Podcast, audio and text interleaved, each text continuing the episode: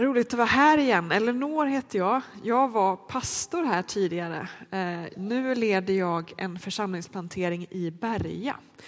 Och vill ni veta mer om vad vi står i och vad vi gör och så där så får ni höra av er till mig och prenumerera på vårt bönebrev. Ni märker, vi berättar inte så mycket här och vi har ingen hemsida och så.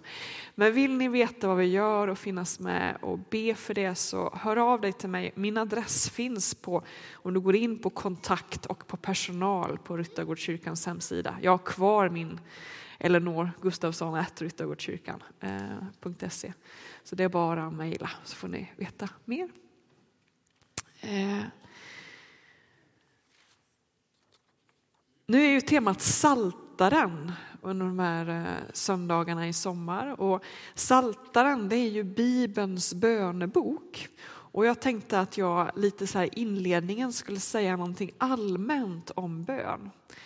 Just nu så försörjer jag mig som någon slags resepredikant och runt i olika församlingar och undervisar. Bland annat mycket om bön. Och då brukar jag ibland i inledningen eh, fråga de som är där, om det är så här seminarieform. När det kommer till kristen bön, vilken annan religion är vi mest lika? Är vi liksom som, om vi, om vi ställer buddhisterna här, som ber för sin egen skull, alltså för att nå frälsning. Man mediterar för att antingen bara nå någon slags frid och inre ro eller för att helt enkelt nå frälsning, nirvana. Är vi som dem? Vi ber liksom för vår egen skull, för vårt eget välbefinnande, för friden och frälsningen. Eller är vi mer lika muslimerna Eh, som ju naturligtvis också ber och lägger fram sina önskningar och ber för sin frälsnings skull. Men ni vet ju, muslimerna har ju sina fem bönetider. Och då är det viktigt att man när man startar den bönen, när man ber de här bönerna, att man är medveten om och har inställningen att det här gör jag för Guds skull. Alltså det här är tillbedjan. Jag ber för att Gud har skapat världen, för att han är världens, han är den upphöjde. Eh, och fem gånger om dagen så tillber jag honom. Eh, och kommer man inte med den inställningen så räknas inte den bönen. Så då brukar jag så fråga, okej, okay, vilken religion är vi mest lika? Islam, när man ber för Guds skull, eller buddhisterna. Och ibland brukar man få stå liksom på sån här, den här gradskalan och så blir det ett intressant samtal. Det där är ju en så spetsig fråga och saken är den att vi, det är så mycket kristen tro, det är både och. Vi, vi, vi, vi ber för Guds skull, vi måste göra det ibland, men vi ber också för vår egen, vår egen skull, vår egen frälsning. Och så brukar jag gå vidare genom att säga att bön består av tre delar som kommer upp här på väggen förhoppningsvis kanske. Ja, den begärande bönen när vi ber om våra, lägger fram våra behov och våra önskningar men också världens behov. Kriget i Syrien till exempel, att det ska bli fred där. Det är den begärande bönen när vi ber för vår egen skull. Vi har den vänskapliga bönen när vi ber för att bli vänner med Gud och för relationens skull. För att bli tajtare med Gud. Liksom. Och sen har vi den tillbedjande bönen när vi ber för Guds skull. För att han är värd all tillbedjan och för att det är vår uppgift som människor att tillbe honom. Och den psalm vi ska titta på idag handlar faktiskt om just det där med den tillbedjande bönen. Så det, det är det den här predikan kommer att handla om. Så vi släpper det där med begärande bön och vänskaplig bön för en stund och fokuserar på vad är det här med tillbedjande bön egentligen. Och innan vi, vi hoppar in i salmen ska vi gå till ett Paulusord från första, eh, första kapitlet i Romarbrevet. Så här står det. Eh. Det man kan veta om Gud kan de ju själva se och det Paulus nu håller på med att försöka beskriva syndafallet. Det man kan veta om Gud kan de ju själva se. Gud har gjort det uppenbarat för dem. Ty allt sedan världens skapelse har hans osynliga egenskaper, hans eviga makt och gudomlighet kunnat uppfattas i hans verk och varit synliga. Därför finns det inget försvar för dem.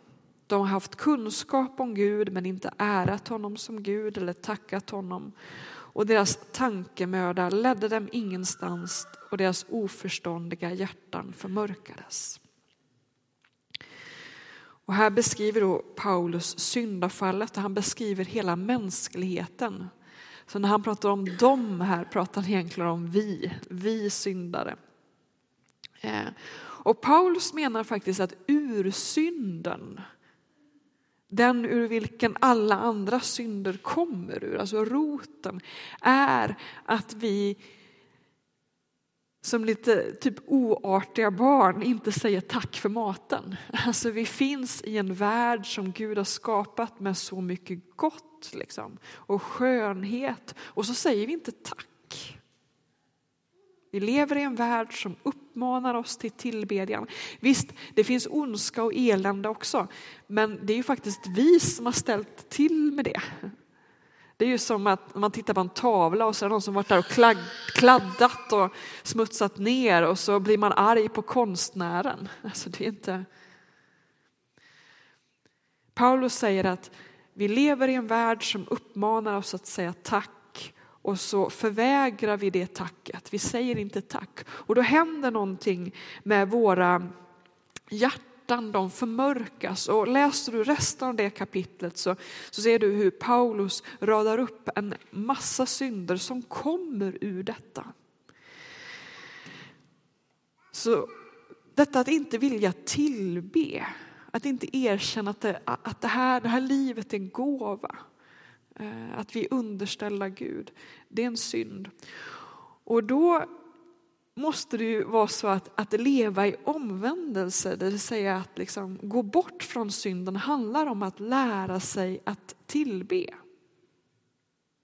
Det är en del av det kristna livet, att lära sig att bli en tillbedjande människa som faktiskt ber för Guds skull. Så då brukar jag säga när jag talar om bön att man behöver ha rutiner för både den begärande bönen, så man inte glömmer bort den, Framförallt inte att vi inte glömmer bort att be för saker som är utanför de här väggarna. Den vänskapliga bönen och den tillbedjande bönen. Vi behöver ha en rytm som håller, håller det där vid liv. Ehm. Och där är gudstjänsten en god träningsplats. Där vi liksom regelbundet kommer samman, inte bara, framförallt inte, inte främst för att lyssna till en intressant predikan, för det är ju inte alltid intressanta predikningar, faktiskt. Eh, eller ja, det är fantastisk musik att lyssna på. Nej, vi kommer samman för att tillbe tillsammans. Och då har jag, när jag jobbade här och sen vidare i boken Gudstjänst som jag varit med och skrivit. Gudstjänst, eller söndag heter den, Söndag gudstjänst i en ny tid. Jag tror att det finns några ex kvar där fortfarande. Att man behöver som mötesledare och lovsångsledare få en balans på att ha sånger där vi säger liksom Åh, jag älskar dig Jesus och jag är så glad över att tillhöra dig. Halleluja. Där vi liksom tillber utifrån en glädje och utifrån yes liksom. Men vi behöver också ha sånger som är liksom mer artighetssånger. Alltså när vi säger, bara erkänner att Gud, du är Gud oavsett vad jag känner. Så är det så att du har skapat världen, eh, du har frälst oss, du är helig. Liksom. Det har du gjort oavsett vad jag känner just idag.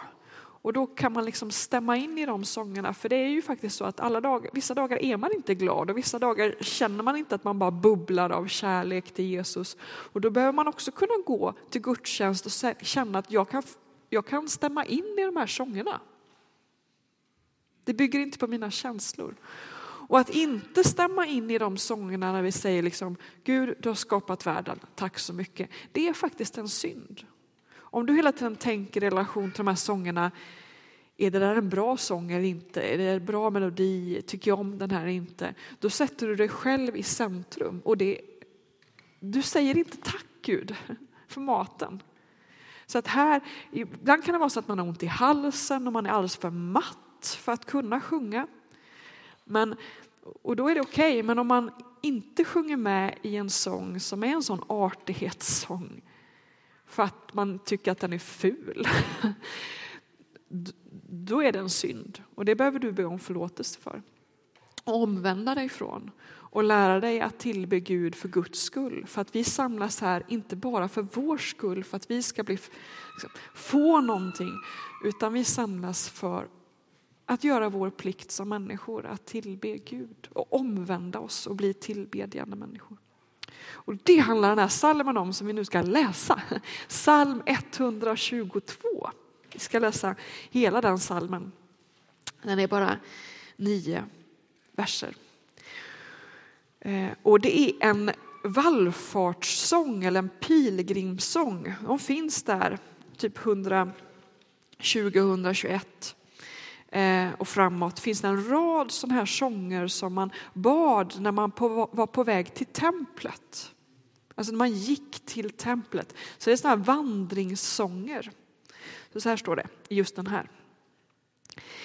En vallfartssång av David. Jag blev glad när man sa till mig Kom, vi ska gå till Herrens tempel. Nu står vi i dina portar, Jerusalem. Jerusalem, du välbyggda stad där husen står tätt tillsammans. Dit går stammarna upp, Herrens stammar.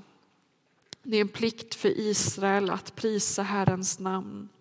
Där finns domarsäten, troner för Davids ett. Be om välgång för Jerusalem. Må det som älskar dig leva i trygghet. Må välgång råda inom dina murar, trygghet i dina palats.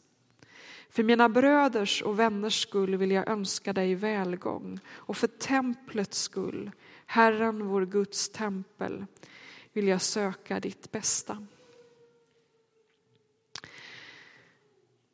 Den här eh, salmen brukar jag också ta upp när jag undervisar om bön och då har jag ibland ställt frågan, ser ni att det finns två ord här som vi i Sverige sällan liksom sätter ihop? Och då fick jag något svar någon gång, stad och välbyggd. Och jag tänkte det är vi ganska bra på i Sverige att bygga väl, hus som håller. Utan de ord jag tänker på är att här säger den här bedjaren, jag blev glad när man sa till mig att vi ska gå och tillbe. Och så står det, det är en plikt för Israel att prisa Herrens namn. Det vill säga glädje och plikt. Det är två ord som vi sällan liksom tänker sitter ihop. I alla fall inte i den yngre generationen. Men här finns de. Jag blev glad när man sa till mig att vi ska gå till templet och det är en plikt att prisa Herrens namn, vilket ju man gör i templet. Och, och, och hur hänger det ihop? Jo, ni vet, vad var, det, vad var det Mose hade till uppgift att säga till farao? När Israel var slavar i Egypten? Jo, det var ju släpp mitt folk så att de kan fira gudstjänst i öknen. Släpp mitt folk så att de kan fira gudstjänst. Eh, och när farao till sist hade släppt folket och de kommer ut i öknen, vad är det de får ta emot då? Jo, lagen som ju den här judiska lagen med alla sina 613 bud, en stor del av den lagen handlar om gudstjänstinstruktioner.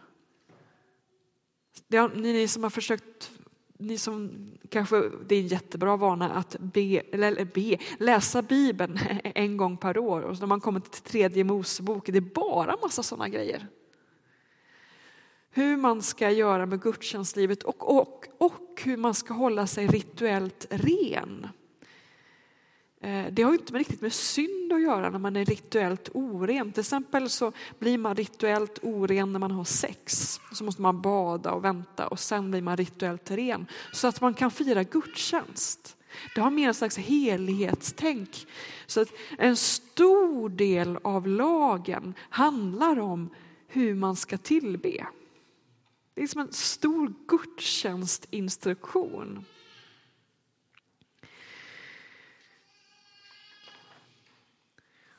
Gud befaller Israel att tillbe honom. Han ger dem gudstjänstinstruktioner. Släpp mitt folk så att de kan tillbe mig.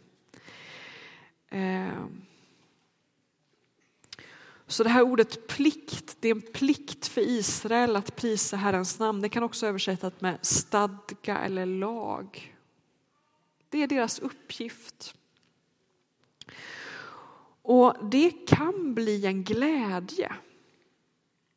Alltså när Gud ger de här instruktionerna så är det som att han ger dem ett träningsprogram. Liksom. Hur mänskligheten ska gå tillbaka till det de är skapta för att vara. Människor som tar emot Guds gåvor och säger tack så mycket. Syndafallet handlar ju om att vi vill odla vår egen trädgård och sköta oss själva. Gud vill leda oss tillbaka till livet där vi liksom tar emot och säger tack så mycket. Och det är som att han ger dem ett sånt träningsprogram. Och den här bedjaren i den här pilgrimssången har upptäckt det här är han, han eller hon håller på att bli frisk. Liksom. Hitta sin, sin plats i tillvaron och finner en glädje i det. Och se där, det. Man tränar sig i tillbedjan som kan man hitta sin glädje i det. Gud är Gud, jag är människa. Men i den här salmen så talas det också väldigt mycket om Jerusalem som stad. Eh, och det står att där finns templet, där finns domarsäten och där står husen tätt tillsammans. Vad betyder det? Jo, och så talas det en hel del om att, att den som eh, att man ska söka Jerusalems välgång så att man får leva i trygghet. Eh, vad betyder det? Ja, låt oss först fundera på vad betyder det för den här bedjaren som skrev den här salmen och vad betyder det för oss som lever idag? Eh, flera, ja, men över 2000 år senare. För oss svenskar, då är ju landet, landsbygden, en trygg plats medan staden är en farlig plats.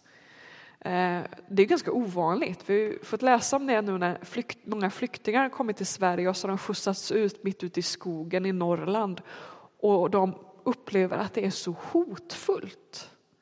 För att i deras kultur så då är precis som i den bibliska kulturen så är landsbygden den farliga platsen medan staden är den trygga platsen. För att staden den har skyddande murar och det hade också Jerusalem. Och de här skyddande murarna de håller stråtrövare och farliga djur och fientliga arméer utanför. Och utanför de murarna är det farligt. Ni har det här till exempel i, i liknelsen om den barmhärtiga samarien. Du vet nu, då var det en man som hade blivit rånad och nedslagen på vägen mellan Jerusalem och Jeriko. Och så är det. För mellan de här städerna så är det liksom lite laglöst land. Där finns liksom inga vakter vakter och inga murar och inte samma typ av rättssystem. Men i, i staden, där finns det domare som håller rätt ordning. Det finns murar. Där står husen tätt tillsammans. Det är tryggt. Och det, det man måste ha när, man, när man läser den här salmen att det är den här, den här salmisten har ju då kanske, kanske gått från Jeriko till Jerusalem och liksom bara, ah, tänk om jag blir anfallen av en rövare här nu liksom. Och så har man precis kommit så man ser Jerusalem, man bara halleluja, här är staden. Jag blev inte anfallen.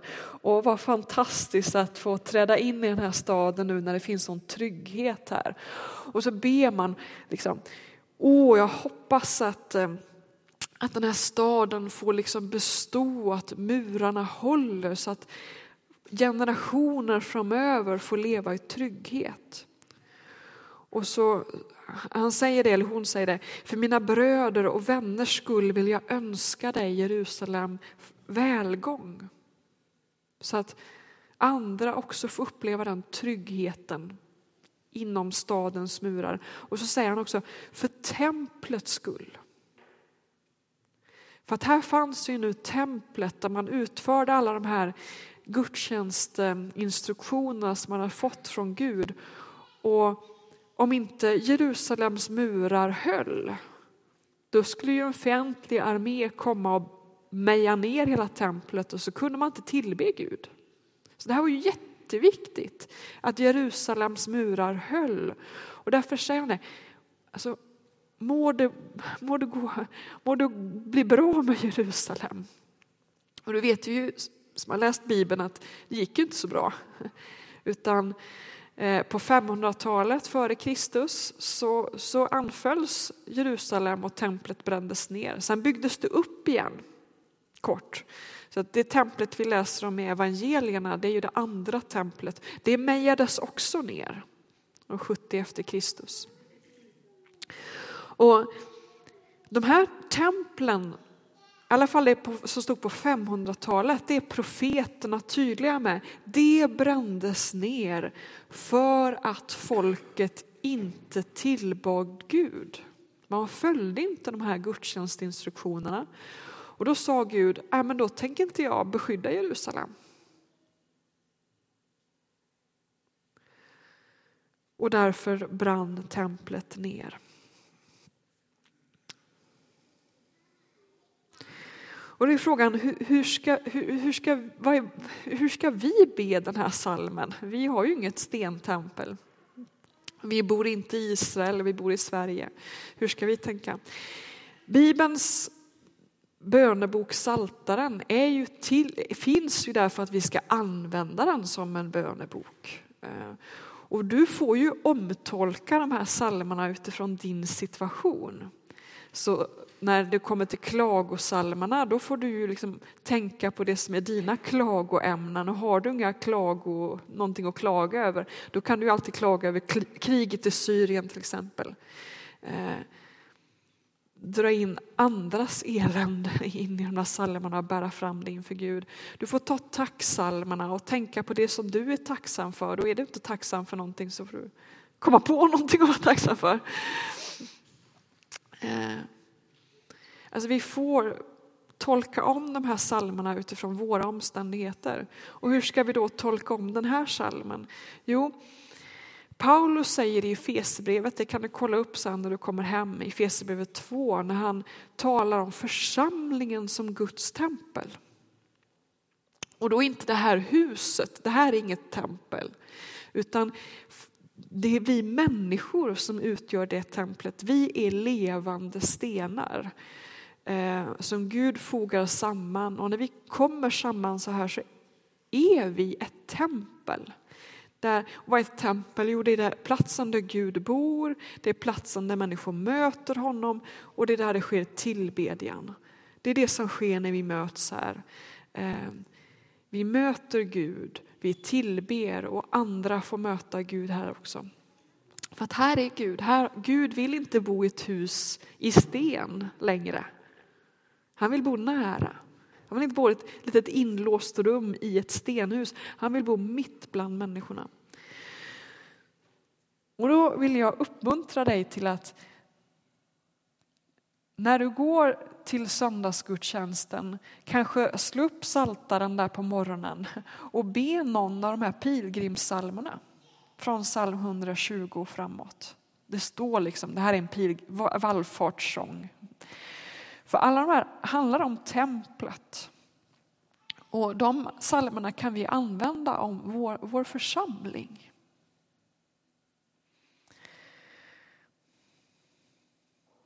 Så tänk om du liksom skulle be den här salmen och säga du kanske inte känner dig så glad över församlingen just nu. Men då ber den här, jag blev glad när man sa till mig vi ska gå till Herrens hus. Försöka hitta den här glädjen. Och det här med, ja men det, det är min plikt, det är min uppgift som kristen och som människa att tillbe honom. Och att liksom försöka lära dig att komma med den attityden Eh, till gudstjänsten och tänka att det här handlar inte primärt om att jag ska få någonting, utan det handlar om att Gud ska få någonting, nämligen min tillbedjan. Jag tror att det blir mycket roligare att fira gudstjänst om du liksom om du har fokus, det ska bli en intressant predikan och det ska bli sång som jag tycker om, då kommer du bli besviken lite för ofta. Det blir inget bra, då blir församlingen någonting som du bara, åh, det är inte tillräckligt bra där. Men om du kommer med attityden, församlingen är Guds tempel och där tillber vi Gud, då kommer du bli glad varje söndag. Det blir så mycket roligare att leva då. Så jag skulle önska att du hittade den, den, den attityden. Att du kunde hitta den här attityden som finns i den här salmen när du går till gudstjänst. Att nu går jag liksom och tränar, tränar på tillbedjan. För så är det ju i, i kristen tro så är ju till syvende och sist allt nåd. Vi har ingen lagbok egentligen. Paulus menar att anden är vår lag. Anden är den som gör oss till tillbedjande människor. Eh, anden behöver förvandla oss, men du behöver ge anden en chans. Och det gör du när du liksom övar dig i att komma med den attityden. Då kommer du bli en allt mer tillbedjande människa och du kommer hitta en slags förnöjsamhet i livet. Du kommer, så vi, när, när du ber för Guds skull, då kommer du också hitta en glädje och en frid. Utifrån den här skalan som jag pratade inledningsvis om. Till sist, i den här salmen så, så finns det ordet må flera gånger. Flera gånger. Må välgång råda inom dina murar. Och det är ett sånt ord som när, jag, när man säger liksom, må Gud välsigna dig då är det ingen försäkran om att du är välsignad utan det är en önskan. Liksom. Jag vet inte om ni hängde med, det var en sån här jättedebatt även i media, här, sekulär media i våras kring Svenska Akademin och Svenska kyrkans ny ledning utifrån nya gudstjänstboken. Då fick jag lära mig en hel del om grammatik. Att de här verbformerna när vi säger eh, Herren välsigne dig eller må du leva. Eh, eller leve har också den typen av eh, eh, betydelse att det är ingen försäkran, det är en önskan. Jag har inte makt att välsigna dig, det har bara Gud. Men jag kan önska dig Guds välsignelse. Så det finns ingen garanti i detta, må välgång råda i dina murar, det är en önskan. Men, och det gällde Jerusalems tempel, men när det gäller församlingen då kan vi veta att den är välsignad. Varför? Jo, för att den som, gör, som liksom fogar templet samman och som är hörnstenen och som får hela bygget att liksom hålla ihop, säger Paulus i Efesierbrevet 2, det är Kristus och han är den välsignade. Han är den välsignande. Och, och Kristus talar, eller Jesus talar om sig själv som ett tempel och vi är, ju, vi är ju i Kristus och Kristus är i oss. Därför är vi välsignade. Punkt slut. Liksom. Församlingen är välsignad för vi är förenade med Kristus. Eh, eh, vi bara snabbt titta på några verser i Fesebrevet till sist. Eh, Eh, Eh, i inledningen av Efesierbrevet och innan han börjar prata om det här templet. Han, liksom, han ber också där, han säger eh, Välsignad är vår Herre Jesu Kristi Gud och Fader. Han har välsignat oss med all den andliga välsignelsen som genom Kristus finns i himlen. Alltså det här är ett faktum. Och så säger han vidare, alltså han radar upp en massa saker på vilket sätt vi är välsignade. Och så drämmer han till med, i honom har vi fått vår arvslott, förutbestämda därtill av honom som låter allt ske efter sin vilja och sitt beslut. Vi ska vara Gud till pris och ära, vi som redan på förhand hade satt vårt hopp till Kristus. Alltså vi är välsignade och vi ska vara Gud till ära och pris. Vi ska tillbe honom. Men han ber sen mot slutet, då ber han så här. Och vi läser inte hela den, vi bara tittar på den lite snabbt. Alltså, det han ber om är att vi ska få syn på det. Må han ge ert öga ljus, må han ge ert inre öga ljus. Jag ber att ni ska få kunskap om allt detta. Alltså att ni ska fatta hur välsignade ni är. Samma kraft som väckte upp Kristus från de döda vilar över er. Fatta! Liksom. Så när det gäller det här templet så behövs, vi är välsignade. För att Kristus är välsignad och han, vi är i honom och han är i oss. Och Paulus ber att du ska få syn på det. Hur härligt det här templet är. Mycket mycket härligare än det templet som fanns i Jerusalem.